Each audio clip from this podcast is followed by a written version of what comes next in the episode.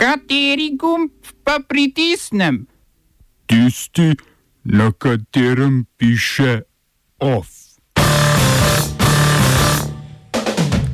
Nekdani pakistanski premijer Šarif obsojen zaradi korupcije. Poskus formiranja libanonske vlade ponovno propadel. Odobreno financiranje manjšinskih medijev v Italiji.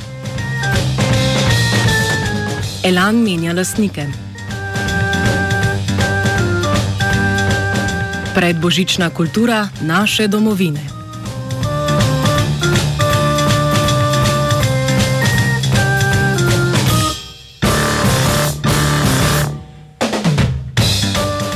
Sodišče je nekdanjega pakistanskega predsednika vlade Navaza Šarifa obsodilo na sedem let zapora zaradi koruptivnega okoriščanja v času svojega mandata. Sodišče je na podlagi dokazov, razkritih v aferi panamskih dokumentov, odločilo, da je Šarif nezakonito obogatil in kupil več nepremičnin v Londonu. Nekdani predsednik je bil julija že obsojen na deset let zapora, a je vrhovno sodišče septembra sodbo razveljavilo.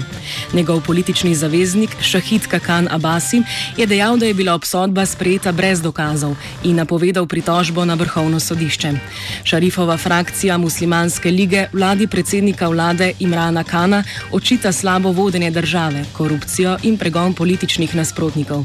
Korupcije in zlorabe položaja sta obtožena tudi Šarifov mlajši brat Šehbaz, ki vodi stranko in nekdani predsednik, ter Šarifov politični nasprotnik Asif Ali Zardari.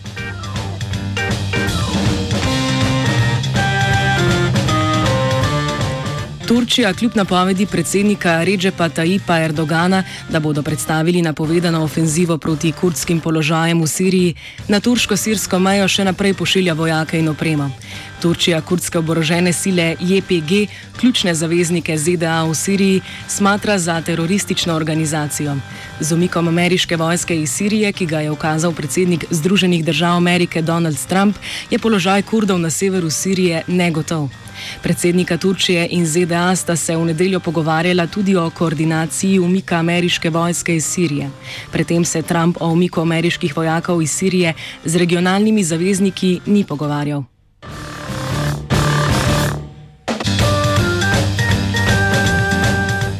Vodje koalicijskih strank v Izraelu so se na sestanku strinjali, da razpustijo parlament in skličejo predčasne parlamentarne volitve, ki bodo potekale aprila prihodnje leto.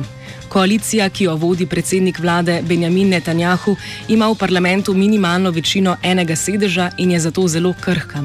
Za njo je bil usoden predlog zakona o naboru, ki najbolj od ortodoksne člane družbe opravičuje služenja vojaškega roka. Nekatere stranke koalicije so namreč prepričane, da je takšna izjema neopravična.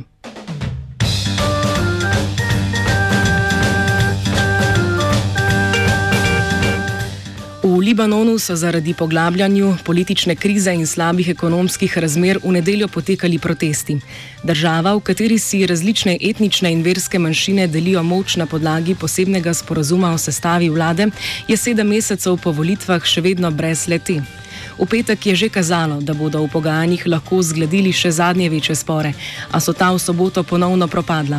Sporozum o deljenju moči predvideva, da je predsednik vlade sunit, predsednik države kristjan, predsednik parlamenta pa šiit. Mandatar Saad al-Hariri mora ministerstva in pristojnosti razdeliti po podobnem ključu, pri čemer je zaenkrat neuspešen.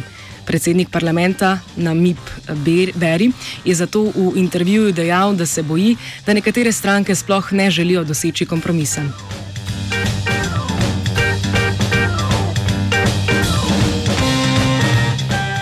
Kitajska centralna vlada je napovedala spremembe v zakonodaji, ki ureja tuje investicije. Nov zakon o tujih investicijah bo nadomestil tri zakone, ki so do sedaj ločeno obravnavali podjetja v tuji lasti in podjetja, ki so konzorci tujih ter domačih lasnikov.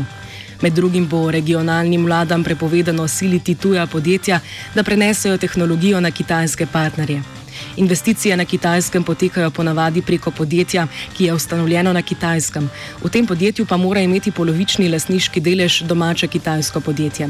Prenos in kraja tehnologije je ena največjih točk spora med Kitajsko in Združenimi državami Amerike, ter eden izmed glavnih razlogov za trgovinsko vojno, jo je Washington začel pod predsednikom Trumpom.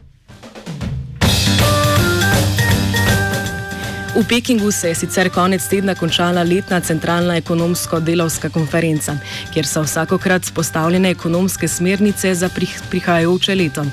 Kitajsko gospodarstvo se spopada z upočasnjeno rastjo zaradi težav z dolgovi lokalnih državnih institucij in zaradi trgovinskega konflikta z Združenimi državami. Zato namerava država spodbujati gospodarstvo z nižanjem davkov in izdajanjem dodatnih garancij za dolg lokalnih oblasti.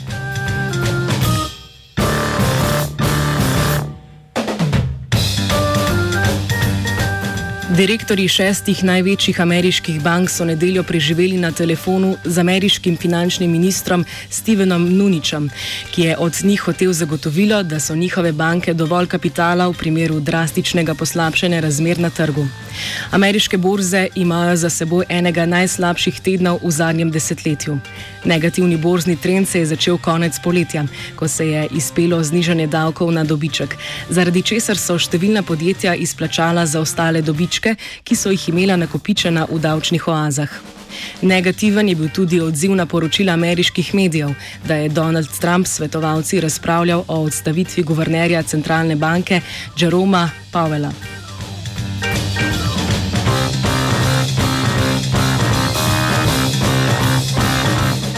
Kolumbijske oblasti so operaciji na meji z Ekvadorjem ubile vodjo gverilske skupine Fronta Olivier Sinistera, Walterja Arizalo, bolj znanega po svojem vzdelku Guača. Arizala, ki je vodil skupino nekdanjih borcev revolucionarnih oboroženih sil Kolumbije, ni sprejel premirja, ki sta ga leta 2016 podpisala FARC in kolumbijska vlada. Slednja je zaradi ugrabitve in oboja treh ekvadorskih novinarjev marca ter zaradi domnevne trgovine z drogami za Guačem in njegovo skupino razpisala nagrado v vrednosti 88 tisoč evrov in ulov za njim poslala še dodatnih 3 tisoč vojakov ter policistov. S podpisom premirja se je končala več kot pol desetletja trajajoča vojna med vlado in oporniki, za kar je predsednik Juan Manuel Santos dobil tudi Nobelovo nagrado za mir. Operacija je del okrepljene ofenzive proti ostankom verilskih sil v Kolumbiji, novega predsednika Ivana Dukoeja, ki nasprotuje premirju in pomilostitvi Farkovih borcev.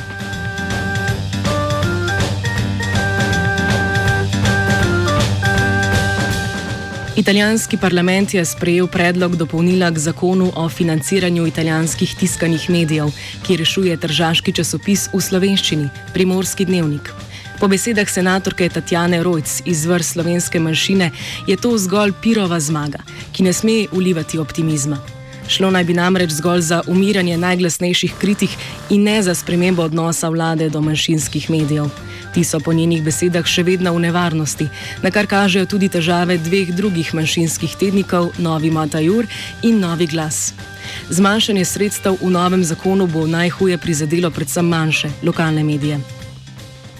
Oba, če, če bom odgovoril na angliški. Uh, uh, Slovenija bo poskušala pomagati. Slovenija bo naredila naš utmost, da bo rekla, da je situacija naš problem, naš sebe.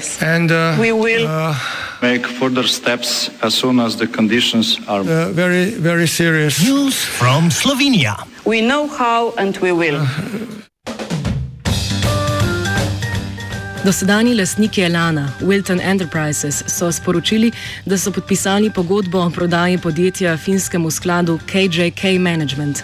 Sklad, ki je v Sloveniji sicer prisoten še v kovinoplastiki Lož, Iskri ISD, Don Donu, Tomplastu in pekarni Grosuplje, se osredotoča na investicije na Balkanu in v baljskih državah. Elan je lani tudi, tudi zaradi 10 milijonskih investicij ustvaril 82,5 milijona prihodkov, kar je za kar 15 odstotkov več kot lani. Po turbulentnih poslovnih in lasniških letih sta podjetja iz Begu na Gorenskem leta 2015 kupila omenjeni Wilton Enterprises ter sklad ameriške banke Merrill Lynch.